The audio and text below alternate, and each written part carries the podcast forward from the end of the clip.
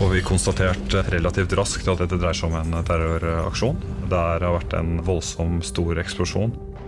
I denne episoden får du innblikk i et miljø få har tilgang til. Og det er pågående skyting, og det rapporteres om både drepte og skadde personell fra ulike kanaler. Vi skal følge de som har gått gjennom Norges hardeste militære utdanning, soldatene i Forsvarets spesialstyrker. Når man ruller ut mot en sånn type hendelse, så har man helt klart skrudd på bryteren, som vi kaller det. Under svært krevende forhold må de norske spesialoperatørene redde ut over 200 livredde sivile under et pågående terrorangrep. Dette er en historie som ikke før har vært offentliggjort. Og det er en veldig spent situasjon med denne tåken og dette her dunkle mørket og ødelagte gjenstander som ligger rundt omkring i veiene og ødelagte bygninger rundt det. En av de har skuddskade i hodet, flere av de har skuddskader i overkropp. Og disse personene må evakueres umiddelbart dersom det skal være noe sjanse for at de skal overleve. Denne historien handler om de soldatene som løser oppgaver som ingen andre kan løse. Du må være en person som ser på tilbakemeldinger, ikke som kritikk, men som en anledning til å lære og bli bedre. Har du ikke det, klarer du ikke å ta en tilbakemelding og gjøre noe med det etterpå, så ryker du ut. da. Dette er soldater som kan sluses ut fra en ubåt under vann, eller hoppe fallskjerm over ukjente områder i mørket. Det er ikke sånn at image man kanskje ser for seg nødvendigvis stemmer, altså. Og kanskje blir du litt klokere på Forsvarets mest myteomspunne soldater i denne episoden. Du hører Våre historier, en podkast av Forsvaret.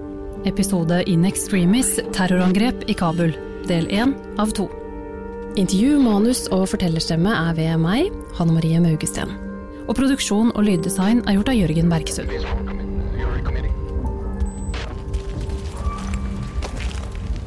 Nei, altså Det er jo flere øyeblikk denne natta her som jeg sannsynligvis aldri kommer til å glemme.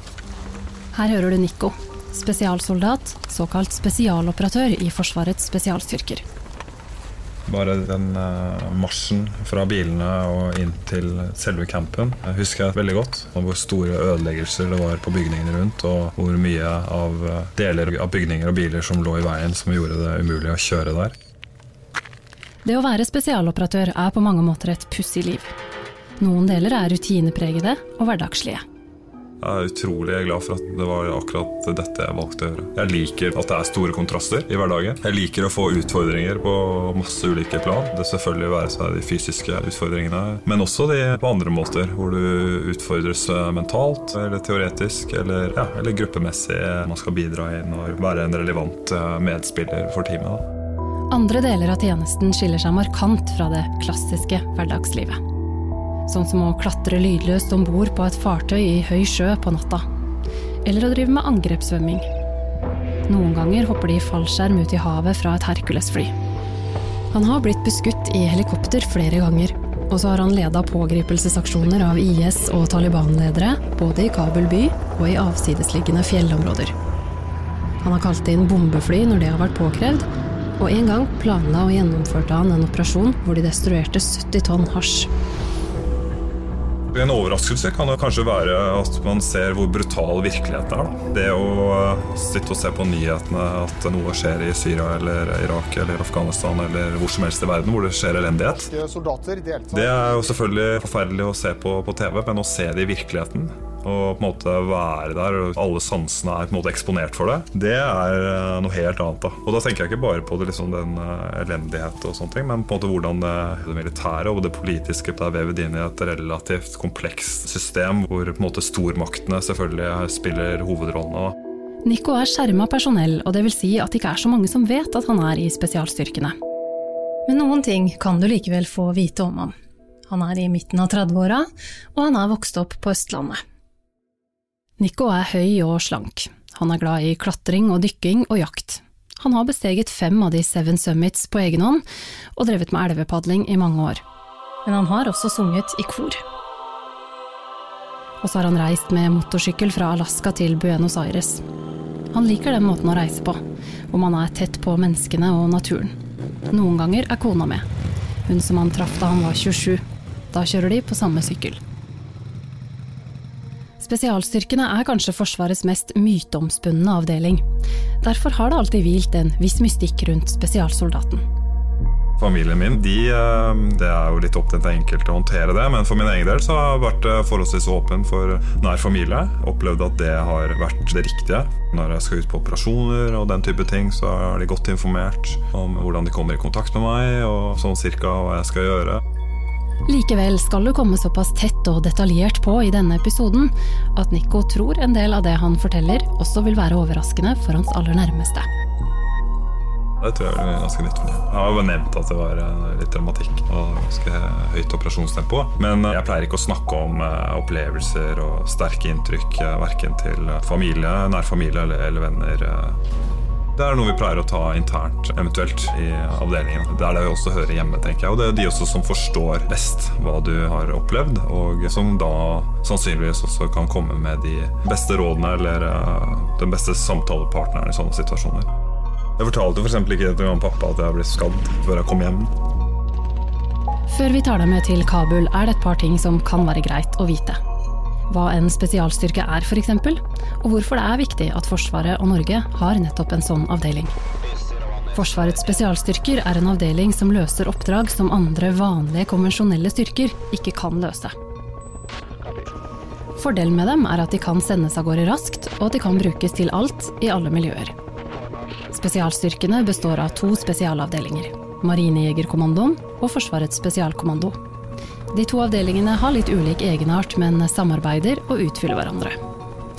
Oppgavene til spesialstyrkene kan f.eks. være å rykke ut til og bekjempe terrorangrep, eller å innhente informasjon bak fiendens linjer. Målet med spesialstyrkene er at de skal være så profesjonelle, kraftfulle og raske at de kan brukes som et sikkerhetspolitisk virkemiddel. Sagt på en annen måte de norske spesialstyrkene skal være et S norske myndigheter har i ermet. Spesialstyrkene er også viktige for beredskapen dersom Norge eller norske interesser blir angrepet. Visste du f.eks. at spesialstyrkene jevnlig trener på å håndtere terroranslag mot norske oljeplattformer? Eller å raskt komme seg om bord på Hurtigruta dersom den skulle bli kapra? Og selv om Norge er et lite land med et lite forsvar, så er de norske spesialstyrkene anerkjent internasjonalt. De trener og samarbeider bl.a. med britiske og amerikanske spesialstyrker. Vi har egne folk som følger opp eh, trening til den enkelte. Så man uh, unngår skader er på en måte første prioritet. Å være spesialsoldat, det man kaller spesialoperatør, kan sammenlignes med å være toppidrettsutøver. Veldig mange av oss har ikke det som skal til, og vil aldri kunne bli det. Men det er ikke umulig, og noen kommer jo igjennom. Og det er de menneskene du skal bli kjent med i denne episoden her.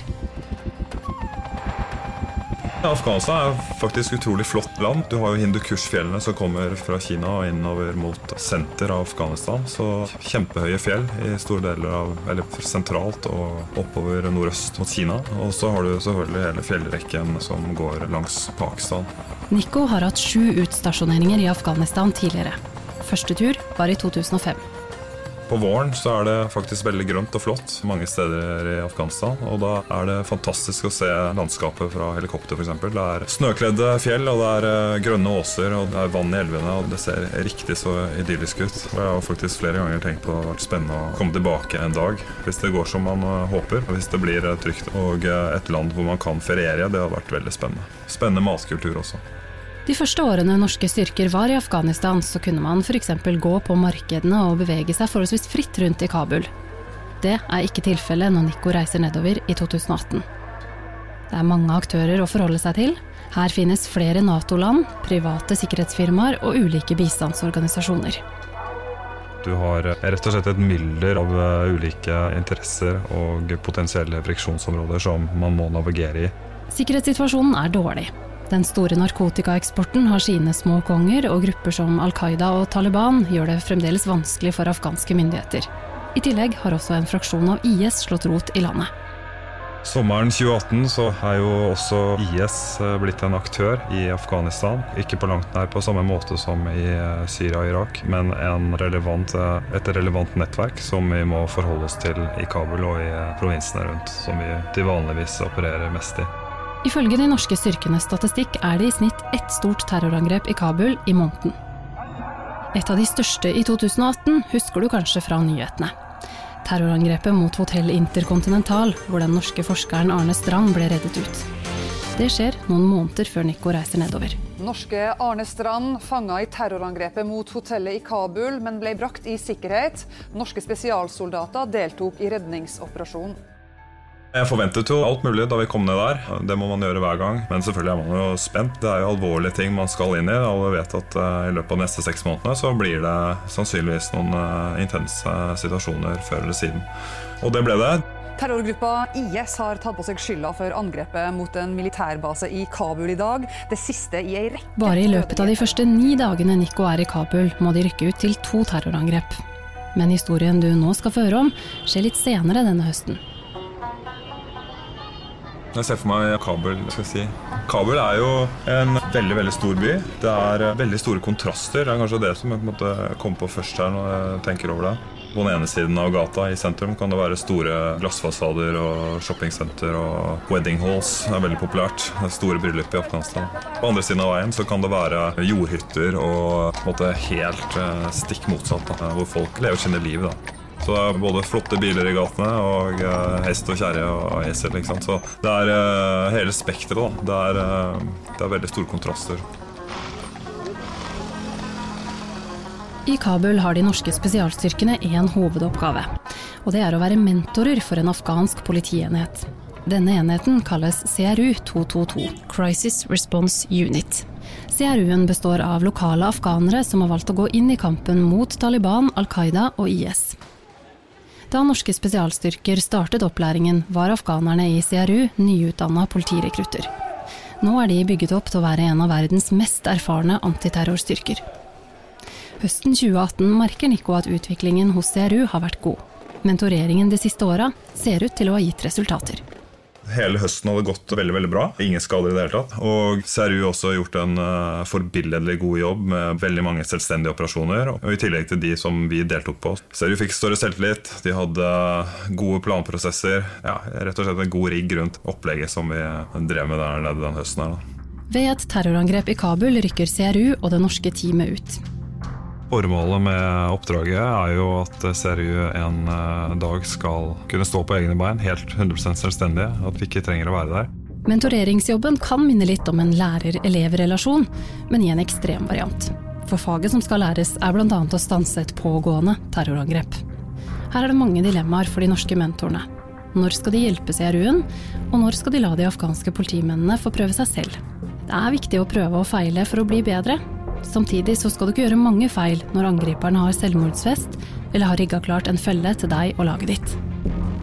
Bør vi kanskje være med på denne operasjonen for å sørge for at uh, sikkerheten er uh, ett tak høyere, eller skal vi la de uh, få gjøre dette her selvstendig og, og kjenne på det å være og gjennomføre operasjonen uten noe som helst hjelp fra oss? Det er et typisk eksempel på dilemmaer som man står i fra tid til annen da, når man mentorerer. Er det vanskelig å finne svaret da? Eller? Ja, det kan være vanskelig, i hvert fall når det er snakk om så alvorlige ting som eh, det er i denne sammenhengen her. Hovedregelen er at afghanerne i CRU-en går i front, men de norske spesialoperatørene, mentorene, kan gå i front de gangene det er nødvendig. I historien du nå skal føre, så blir de nødt til nettopp det stor respekt for de afghanske politimennene i Seru som velger den type yrke. Det er noe helt annet for oss som drar ned dit i tre til seks måneder eh, annethvert år, eller hva det blir. Men å leve i det, måte det arbeidsdagen din år etter år etter år, det, det har jeg enorm respekt for. Samtidig så er det også de holdningene man så under andre verdenskrig her i Norge. At når det gjelder sitt eget hjemland, så mobiliserer man eh, selvfølgelig det som skal til for å jage fienden og trusselen ut. Og Gutta på skauen og eh, Kompani Linge og ikke minst de regulære styrkene, spesielt general Fleischer og hele motstanden i Nord-Norge. Enorm respekt for det, og på en måte drar paralleller over til det som jeg ser i Afghanistan. I 13 år har de norske spesialstyrkene vært mentorer for CRU-en.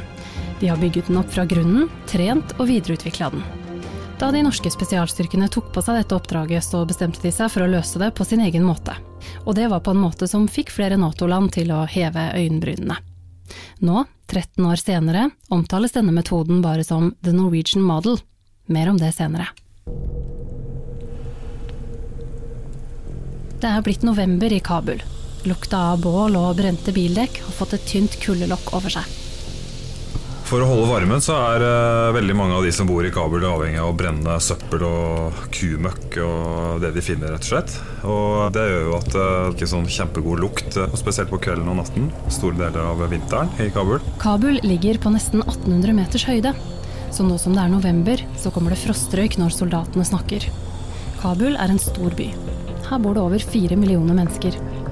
Nå er det kveld, og det har begynt å skumre i gatene. Det er dårlig med gatelys i Kabul, så mange av gatene ligger allerede i mørket. Klokka er 18.14. Det går av en stor eksplosjon i Kabul sentrum. Eksplosjonen er såpass kraftig at de kan høre den i den norske leiren som ligger litt utenfor byen.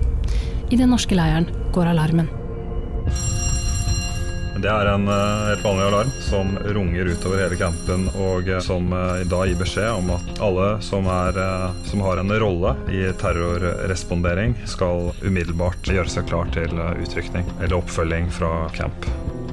Gjennom de sju kontingentene Nico har hatt i Kabul, har han gått gradene. Han starta som spesialoperatør i angrepslaget. I 2018 er Nico det som kalles Ground Force Commander. Det vil si at han er øverste militære sjef på bakken. Det er første gang Nico har akkurat denne stillingen, og nå prøver han å se for seg hva som kan møte han og laget. Innledningsvis så kommer det jo svært mye rapportering fra masse ulike kanaler. og Det blir jo et mylder av informasjon som både en selv og men ikke minst operasjons- og etterretningsseksjonen må prøve å sammenstille for å prøve å skape et mest mulig omforent bilde av situasjonen. Operasjonsrommet er viktig. Det er en sånn del av apparatet man kanskje ikke hører om så ofte, men som man ikke greier seg uten. Her sitter det ulike spesialister og etterretningsfolk som samler inn informasjon til Nico og angrepslaget. Se for deg et rom fullt av skjermer, hvor man følger med på alt fra Twitter til dronefeed bak de som gjør selve jobben, så sitter det ekstremt mange dyktige mennesker som bidrar til at vi har riktig informasjon og best mulig grunnlag til å ta gode vurderinger og beslutninger på, og at de utgjør en minst like stor og viktigere rolle i operasjonen som selve angrepslaget. Det blir raskt klart at dette er et type angrep som er såpass komplisert og omfattende at CRU og nordmennene skal rykke ut så får vi konstatert relativt raskt at dette dreier seg om en terroraksjon. Det har vært en eh, voldsom stor eksplosjon, og det er pågående skyting. Og det rapporteres om både drepte og skadde personell fra ulike kanaler. Det viser seg at det er leiren til det private sikkerhetsfirmaet G4S som er under angrep. Her jobber det stort sett briter, men også en del afghanere og nepalesere. Dette er sivile som ikke tilhører noen lands militære styrker. I Kabul er det ganske vanlig at private sikkerhetsfirmaer har ansvar for f.eks. sikkerheten ved ambassader, eller eskorte av diplomater og bistandspersonell.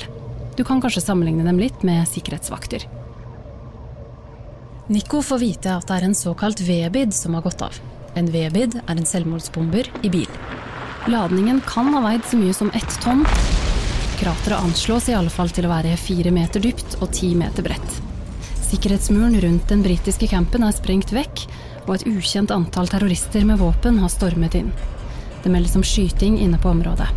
Nico får også vite at det er mange sårede og livredde sivile inne på området. Like etter kommer det også melding om at det er flere døde. Når man uh, ruller ut mot en sånn type hendelse, så har man helt klart uh, skrudd på bryteren, som vi kaller det. Uh, det vil si at det er full konsentrasjon på det som foregår i øyeblikket. Fokus på å gå gjennom og mentalt forberede seg på hva som kan møte en. Området som er under angrep er ganske stort og kan minne om et amerikansk campus. Her er det alt fra kontorbygg og treningslokaler til spisesal og brakker hvor folk bor og sover. Det anslås at det er mellom 200 til 300 mennesker inne i leiren når eksplosjonen går av. De fleste av dem er briter. Store utfordringa er at det har gått av en eh, bombe på, eh, altså en selvmordsbomber i en bil. Det ble anslått til å være omtrent et tonn. Å stå innenfor eh, bare et par hundre meter og sånt nå, det rokker ved både bygninger og en selv. Og det Nico sier her, det er litt viktig. For selv om du jobber i et vaktselskap og sjekker adgangskort og vet hvor nødutgangen er, så er det ikke sikkert at du vet hva du skal gjøre under et stort terrorangrep. En spesialstyrke derimot gjør det. De norske spesialoperatørene som reiser til Kabul, har nemlig trent på mange slike scenarioer i minst to år før de reiser ned. Så man må jo anta at veldig mange der har sjokk. Veldig mange har hjernerystelse. Mange av bygningene var jo kollapset og ligger rundt omkring. Det er på natta. Sånn at det hersker jo uten tvil eh, stor forvirring og fullstendig kaos eh, inne på et sånt sted. Og det at de i tillegg, i hvert fall flere av de, har tilgang til våpen, gjør det egentlig bare mer farlig for oss. Mennesker som er veldig redde eller i sjokk, kan noen ganger være både farlige for andre og seg selv. Redde eller sjokkerte mennesker med våpen er derfor noe du ikke ønsker deg.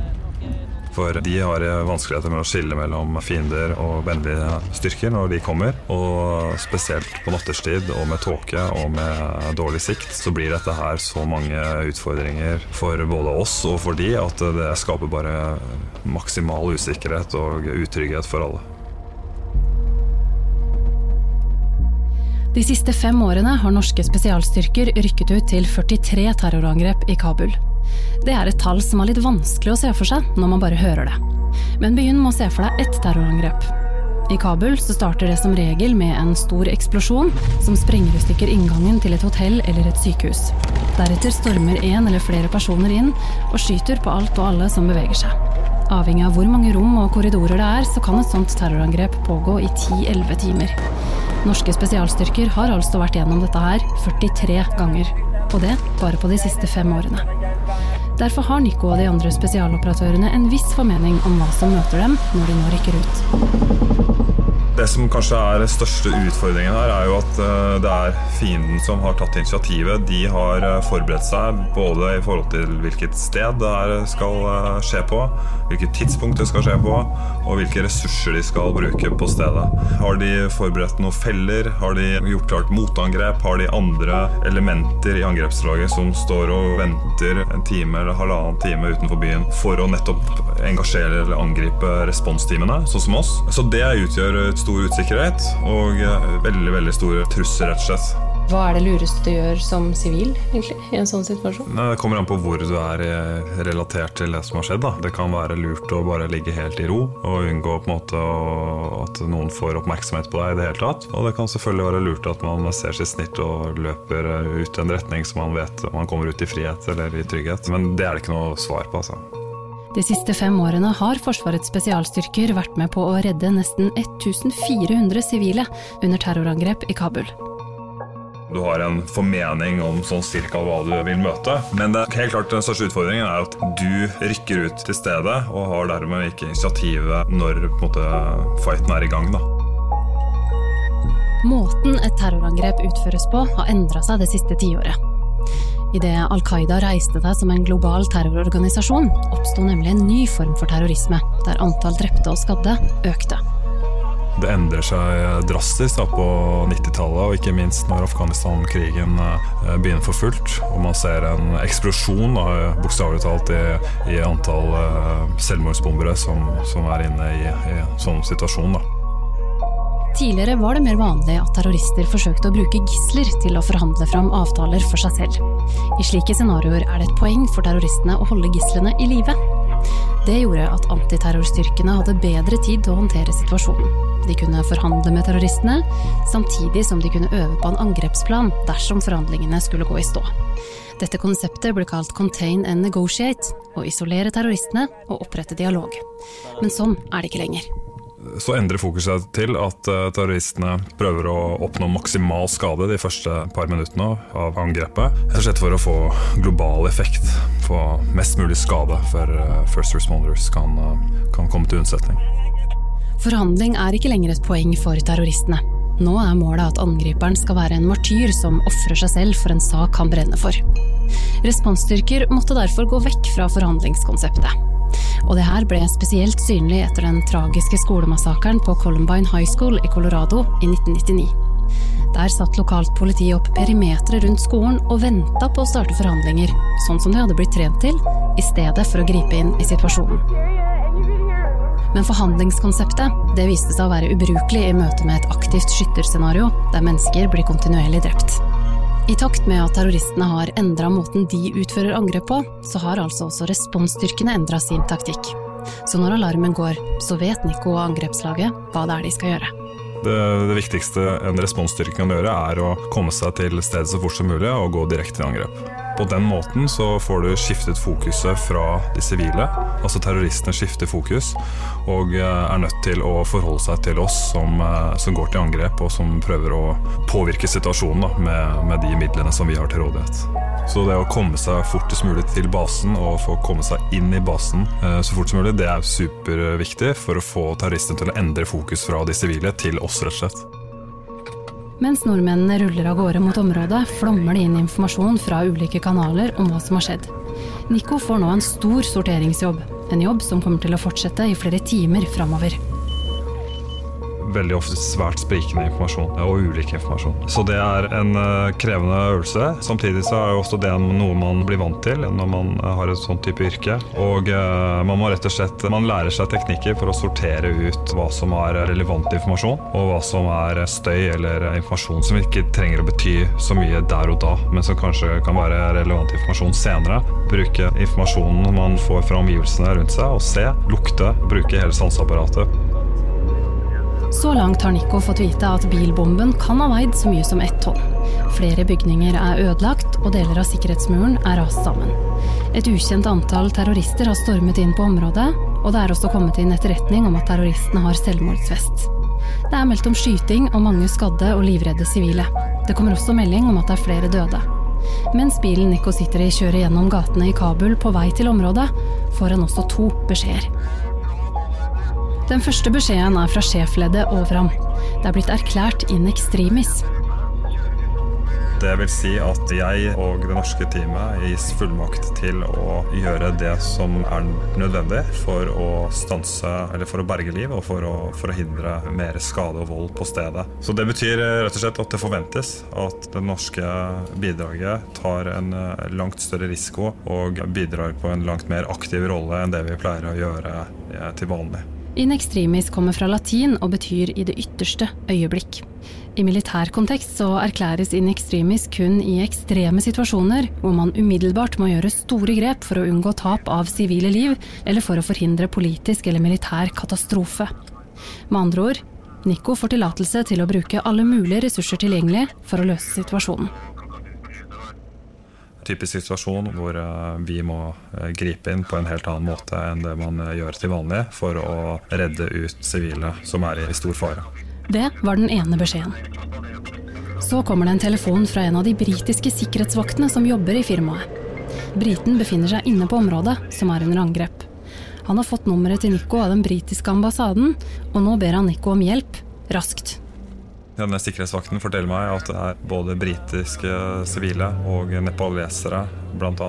og lokale afghanere som er inne på basen. Og at eh, noen av hans nærmeste har forskanset seg i et av disse byggene. At eh, han gir førstehjelp til eh, noen av de som er hardt skadet i umiddelbar nærhet.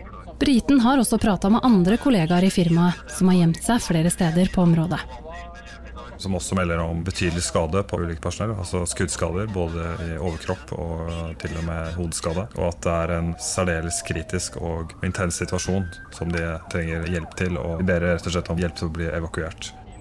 Nico antar at denne briten har noe militær bakgrunn, fordi han får såpass tydelig informasjon fra ham. Ja, ikke rolig. Jeg er jo ikke rolig. Eller altså, Ingen som er sånn der eh, sitter i sofaen, liksom. Men eh, det er jo eh, Han liksom Jeg er her, dette er min vurdering av situasjonen. Altså Han gir på en måte sånn militære Det var gjenkjennbart, det han forklarte meg. da Og da får man jo med en gang en hunch på at ok, dette er en person som vet hva han driver med, har overskudd til å både forklare og se hva som er relevant informasjon for en selv, og formidle det på en klar og konsis måte til en tredjepart, som i dette tilfellet var meg. Det er faktisk ikke så uvanlig at de får slike telefoner. For selv om Kabul er en stor by, så vet de fleste som jobber her at det er CRU og norske spesialstyrker som har ansvaret under et terrorangrep. Det er tett kontakt mellom ambassadene og de militære styrkene. Og noen ganger hender det derfor at sivile settes direkte over til de på bakken, sånn som Nico.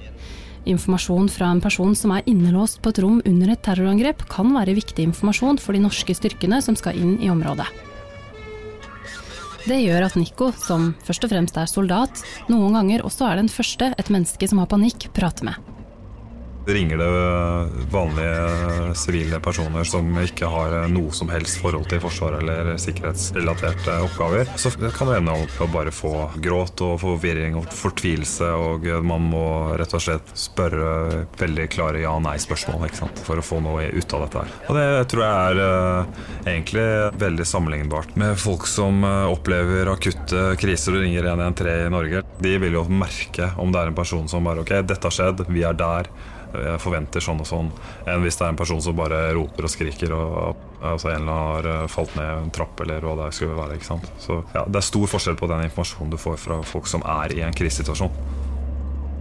Mens Nico prater med briten på telefonen, nærmer de seg området for angrepet. Fremdeles vet ikke Nico hvor mange terrorister det er snakk om. Han vet ikke om terroristene har selvmordsvest, eller hva slags andre våpen de eventuelt har med seg.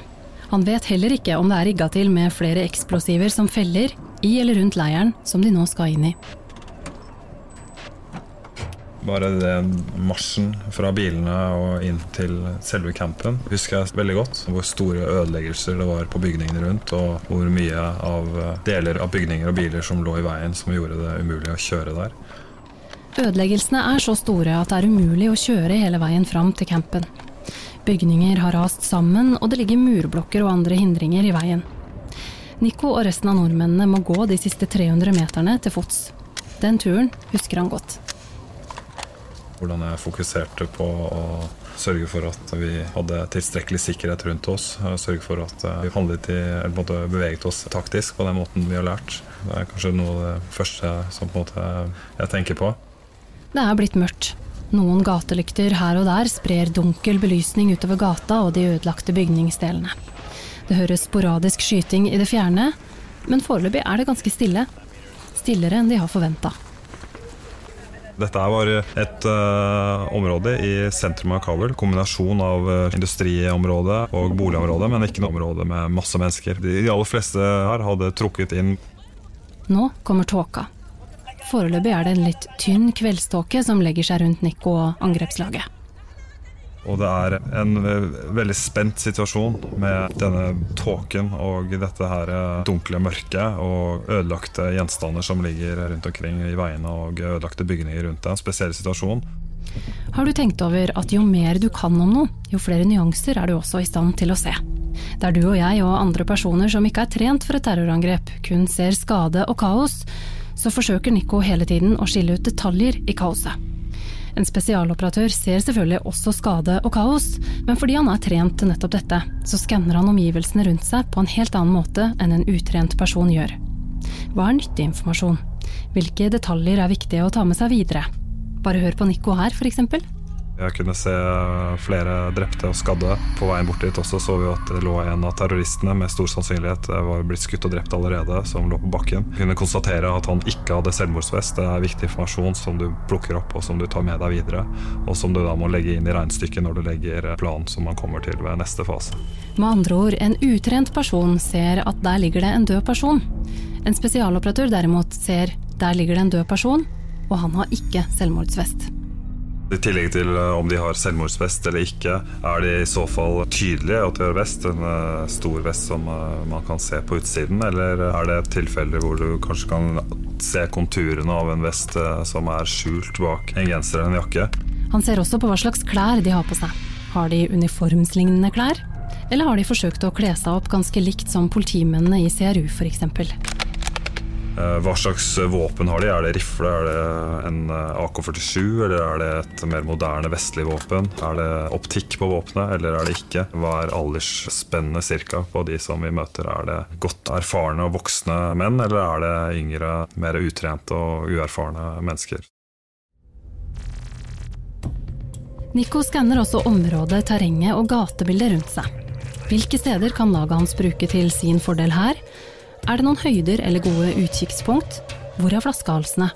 Og hvor kan det tenkes at noen har planlagt et bakholdsangrep? Det kan være en ny angrepsbølge som står og venter på first responders, sånn som eh, vi. Så man er virkelig på tå hev, og man har eh, alle øyne i alle retninger for å danne seg et bilde av situasjonen og for å få situasjonsoversikt. Inn i dette regnestykket legger han det han vet fra før, etter år med trening og erfaring fra tidligere terrorrespons. Hvis angrepet har skjedd på et hotell, så kan det f.eks. tyde på at fienden er godt forberedt. fordi sikkerheten ved hoteller pleier å være ganske høy. Skjer angrepet på dagtid, pleier det å foregå på en litt annen måte enn på natterstid, osv. Og disse tingene, de som går på erfaring, de er også utslagsgivende for måten Nico og de andre spesialoperatørene forholder seg til risiko. Altså først og fremst er jo farlig å være på et sånt område. Det er jo ingen tvil om. Uansett om man jobber i spesialstyrkene eller ikke, så er det jo det å være i nærheten av en krigssone, det er forbundet med stor fare. Men det er klart at med bakgrunnen og erfaringen som man tilegner seg gjennom årenes løp, så får man jo mer praktisk forhold til det. Det kan kanskje høres litt pussig ut å ha et praktisk forhold til fare, men det er egentlig ganske logisk. For en utrent person så vil bare det å oppholde seg i et område hvor det har gått av en bombe, oppleves som veldig utrygt. Det er naturlig å tenke at her kan alt skade meg, og alt er farlig. En spesialoperatør som er trent til slike situasjoner, beregner risiko på en litt annen måte.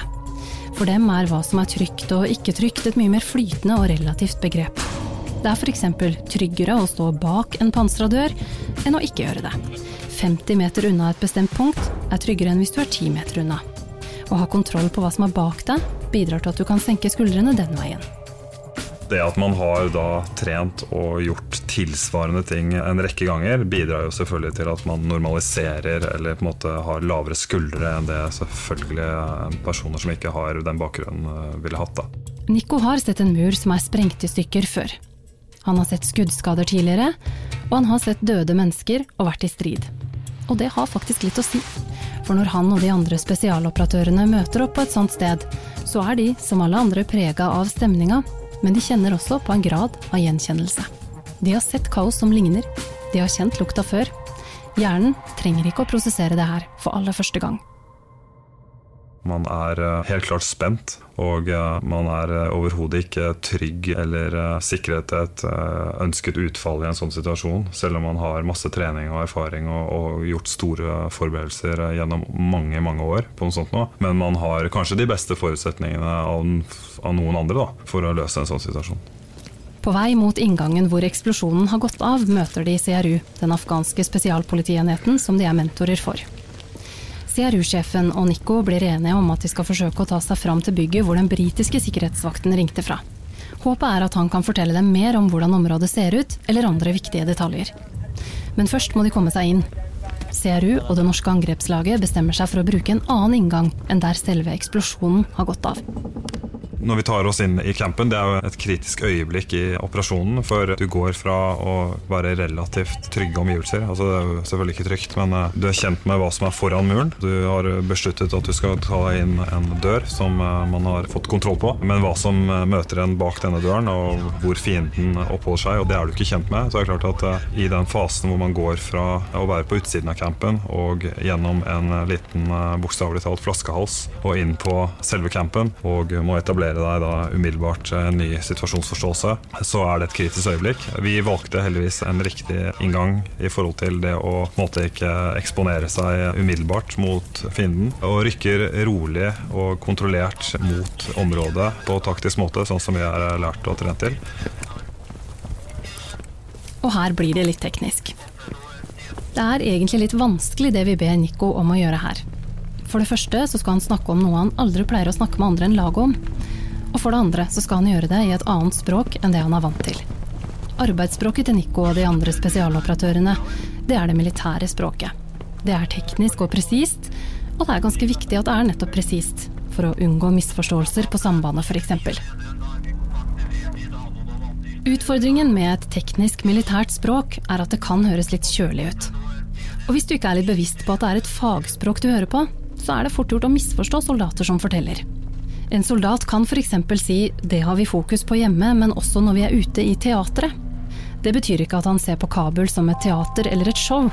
Teater er nemlig et ord som brukes i militærteori, og som beskriver operasjonsområdet. Så når en soldat bruker ordet teater om et sted hvor det er krig, så betyr ikke det at han er en kald person. Han bare bruker et pensumord fra militærteori. Et annet uttrykk mange soldater gjerne bruker, er at de har skrudd på bryteren. Bryteren er viktig. Kanskje spesielt i situasjoner som det spesialstyrkene går inn i, hvor inntrykkene er voldsomme og detaljer veldig viktig.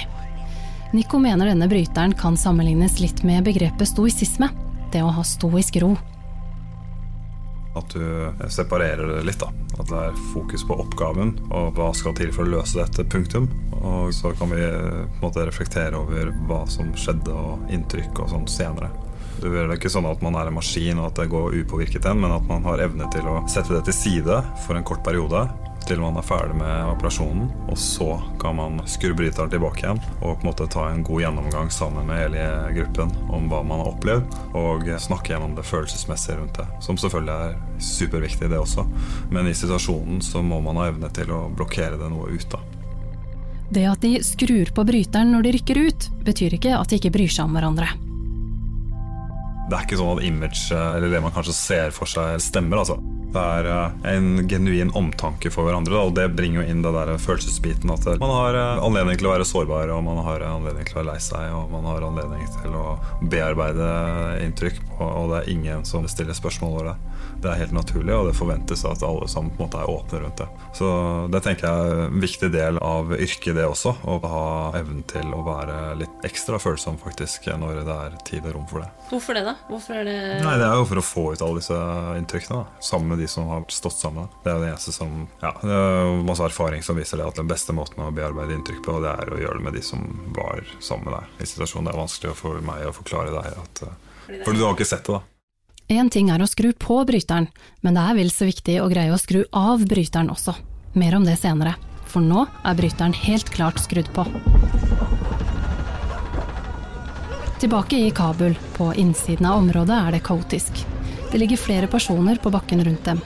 Det er mørkt, ganske kaldt og litt tåke. De hører skyting.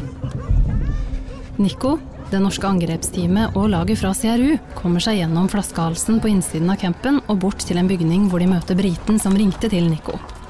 Og ganske riktig, briten har noe som er til stor hjelp for nordmennene og CRU. Han har et eh, stort kart som heldigvis har vært på veggen eh, av campen. Og det gjør det på en måte mye enklere for oss å se hva slags bygningsmasser vi snakker om, eh, og rekkevidden og avstanden i forhold til hvor vi er. Det er forholdsvis stor camp, sikkert et par hundre meter i omkrets. Det huser masse ulike brakker, spisemesser, oppholdsrom, og det er en haug av steder som må søkes av, og som må klareres. Nå bør ting skje fort, men ikke for fort. Selv om det er mange hardt skadde og et ukjent antall terrorister, er det ikke sånn at CRU og de norske soldatene bare stormer inn i de ulike bygningene. Overhodet ikke. Det her må foregå på metodisk måte hver eneste gang. Noe annet er helt galskap. Det viktigste de gjør nå, det er å legge en rask grovplan basert på det de vet. Og ut fra den grovplanen så forsøker de å løse situasjonen. Vi må bruke noe tid på å danne oss oversikt over situasjonen. Hva er det vi vet, og hva er det vi ikke vet? Litt sånn helt grove bullet points stadfestet for alle i gruppa. Og så er det, Du må rett og slett legge en plan for at alle sammen i teamet skal på en måte ha eh, samme mentale forberedelser til hva man skal gjøre videre. I alle tilfeller så vil man skli ut av den planen fra tid til annen, men det å vite at du har en generell retning, at dette her var rammene, og dette her var utgangspunktet vårt, og dette er målet vårt, det må på en måte være grunnlaget for å kunne gjøre de avvikene i planen. Planning is everything, but the plan is nothing. Og mens de legger planen, dukker det opp flere problemer samtidig. Sjefen for CRU, den afghanske politistyrken, forklarer at de er færre folk enn vanlig. Halve ledelseselementet og mange av politimennene i CRU er i en begravelse utenfor byen.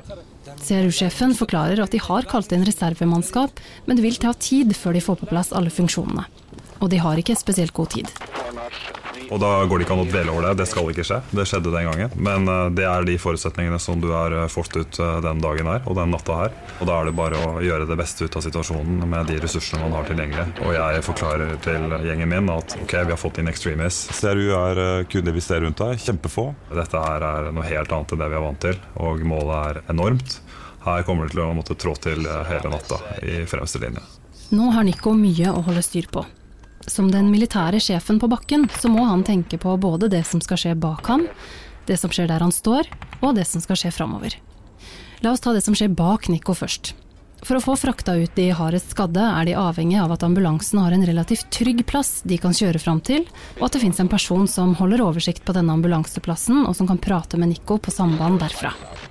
Dette er vanligvis noe deler av CRU-troppen vil sørge for, men nå mangler disse folka, så det fins ingen ambulanseplass og ingen folk til å ta imot de skadde. Nico bestemmer seg derfor for å sende en av medicene, førstehjelpsspesialistene i det norske laget, bakover til ambulanseplassen. Han sender også hundeføreren og hunden som er trent til å søke etter eksplosiver. Medicen og tre andre nordmenn får dermed i oppgave å sikre et område for ambulanser, ta imot hardt skadde og samtidig se opp for trusler som kan oppstå i dette området. Fordi det er så mange som skal evakueres, får de beskjed av Nico om å finne et bygg i nærheten av ambulanseplassen som kan brukes som et safehouse. Planen var jo å få alle disse folka ut av området. Og i og med at det var så enormt mange, og det ville ta ekstremt lang tid å få alle ut, for at de der bilene som kommer for å hente de, tar bare sånn 10-15 personer av gangen, så var min plan å rydde, eller altså klarere et hus i tilknytning til altså nabohuset, og bare sørge for at her var det ingen, og så bare fylle opp det huset med folk da, fortløpende. De fire nordmennene som nå sørger for en sikker ambulanseplass og et safehouse, er egentlig folk han gjerne skulle hatt med i den jobben som angrepslaget skal gjøre, det som skal skje framover. Men med over 200 sivile personer inne på området, og mange hardt skadde, så må han gjøre noen prioriteringer. Nei, Det var veldig dramatisk akkurat det greiene der. Altså. Altfor få mannskap i forhold til hva vi ideelt sett burde være. Men det var det vi hadde da. Det er en del hindringer her nå. Her er regnestykket til Nico og angrepslaget. De mangler mye mannskap og en del støtteelementer. Det gjør at ambulansene foreløpig nekter å komme. De er også færre personer til å gjøre den jobben som skal gjøres framover. Det er stort press ovenfra om å løse situasjonen raskt. Flere av de sivile er hardt skadd og trenger hjelp fort. Noen forvirra sivile løper rundt med våpen. Det er tåke og mørkt og dårlig sikt, og de vet ennå ikke hvor mange terrorister som beveger seg rundt på området rundt dem. Det er med disse forutsetningene CRU og det norske angrepslaget nå skal gjøre noe av det vanskeligste en soldat kan gjøre. Klarering og evakuering av bygg under en pågående terroraksjon. Selv om eh, jeg vet at det er flere som er i nød, store skader, folk er såret, folk er i sjokk, så er vi best tjent med å gjøre dette på en rolig og kontrollert måte. Man skal gjøre dette fort. Vi pleier å bruke et uttrykk som å skynde seg langsomt. Altså Man må gjøre dette på en sånn måte at man ivaretar sikkerheten til seg selv og de han har rundt seg, samtidig som man eh, gjør det man kan for å berge liv og for å stanse en pågående situasjonen. situasjon. Grovplanen er lagt, og det norske angrepslaget og CRU er klare. Jobben deres nå er å klarere seg bygg for bygg fram til de ulike stedene hvor sivile har gjemt seg, og evakuere ut så mange de klarer, fortløpende og så raskt som mulig. Terroristene som fremdeles løper rundt på området og skyter sivile, har de fullmakter til å stoppe eller nedkjempe. På film har du kanskje sett soldater som småløper inn i et bygg på rekke mens de holder våpnene i ulike retninger og gir korte kommandoer til hverandre. Det kalles gjerne klarering av bygg. Altså Klarere et bygg vil jo si å gå gjennom det på en måte som gjør at man er trygg på at det ikke er fiender etter at du har gått gjennom bygget. Så går man til neste bygg, og så går man til neste bygg og metodisk og skjematisk for klarert, som vi da kaller det. For at liksom, ok, her er det ikke flere sivile, og det er heller ikke flere fiender. Og på den måten så vet du at med stor sannsynlighet så er det ikke noen i ryggen på deg når du fortsetter. Det vet du jo selvfølgelig ikke, for det kan jo være at fienden manøvrerer rundt osv. Men det er sånn man gjør det. De kaller det gjerne et tog når de jobber på denne måten. Er du forrest i rekka, er du forrest i toget. Og toget, det kan ha ulikt tempo. Noen ganger rolig og kontrollert, andre ganger raskt. Toget er en gjennomregissert og velkoordinert øvelse. Her er hver eneste bevegelse innøvd og går på drill. Følger du med på feil sted eller flytter våpenet ditt på feil måte, så kan du ende opp med å skade enten deg selv eller kameraten foran deg i rekka. Det som er vanskelig med å gå inn i bygg, er jo at du er eksponert fra utallige vinkler på svært kort avstand. Så vet du heller ikke hva slags romløsning som er inne i bygget. Så når du åpner en dør, så kan det være en stor matsal. Eller det kan være små båser eller små soverom eller forlegning. Da? Det kan være lange korridorer. og Det er masse forskjellige utfordringer som gjør at urban krigføring og det å drive klarering av bygg og hus, det er noe av det mest krevende som militære styrker kan gjøre. I et tog har alle ansvar for hverandres sikring. Og derfor er et tog mye tryggere å være i enn å være én. Det er også mye vanskeligere å angripe et tog. Så Det trenes og terpes på hele tiden, og det her er en ferskvare. Det krever så mye av teknisk og mental kapasitet simultankapasitet. At dette her er noe som har stort fokus både hjemme i Norge på øving og trening og seleksjon, men også når man er ute i teatret. Men det gjør jo også at man kan det, og det er det som veldig ofte redder både Seru og eh, oss når vi opplever ildveksling inne i bygg. At de er så nøye og innøvde og eh, så korrekte at man, det er snakk om millimeter her. Et av de mest krevende kursene som må bestås i opptaket til spesialstyrkene, går ut på nettopp dette. CQB kaller de det, Closed Quarter Battle. Dette foregår helt på slutten av seleksjonsperioden, nettopp fordi man må øve så mye for å få det til. Når de øver på dette hjemme i Norge, så øver de med skarpt. Vådeskudd er automatisk stryk. For å stå må du også gjøre alt riktig, selv hvis det går av et skudd bare centimeter unna deg. Altså Hvis én gjør en feil der, så utsetter du hele laget. Sånn at det er knallstrengt. da. Det er helt vanlig at det ryker 10-20% på slutten av året. der. Det er satt helt ufravikelige kriterier da, for å bestå. Og det går på simultankapasitet, evne til å forstå omgivelsene, og ikke minst presisjon i de skuddene som blir avfyrt. da. Det er veldig vanskelig. Dette er altså en vanskelig oppgave selv når det er lyst, men denne kvelden er det både tåke og mørkt. Du har hørt In Extremis terrorangrep i Kabul, del én av to. Våre historier, en podkast av Forsvaret. I neste episode. De kommer, det ser brutalt ut. De har blødende skader, har fått bandasje på de verste, men du ser at det her har vært hard medfart. da.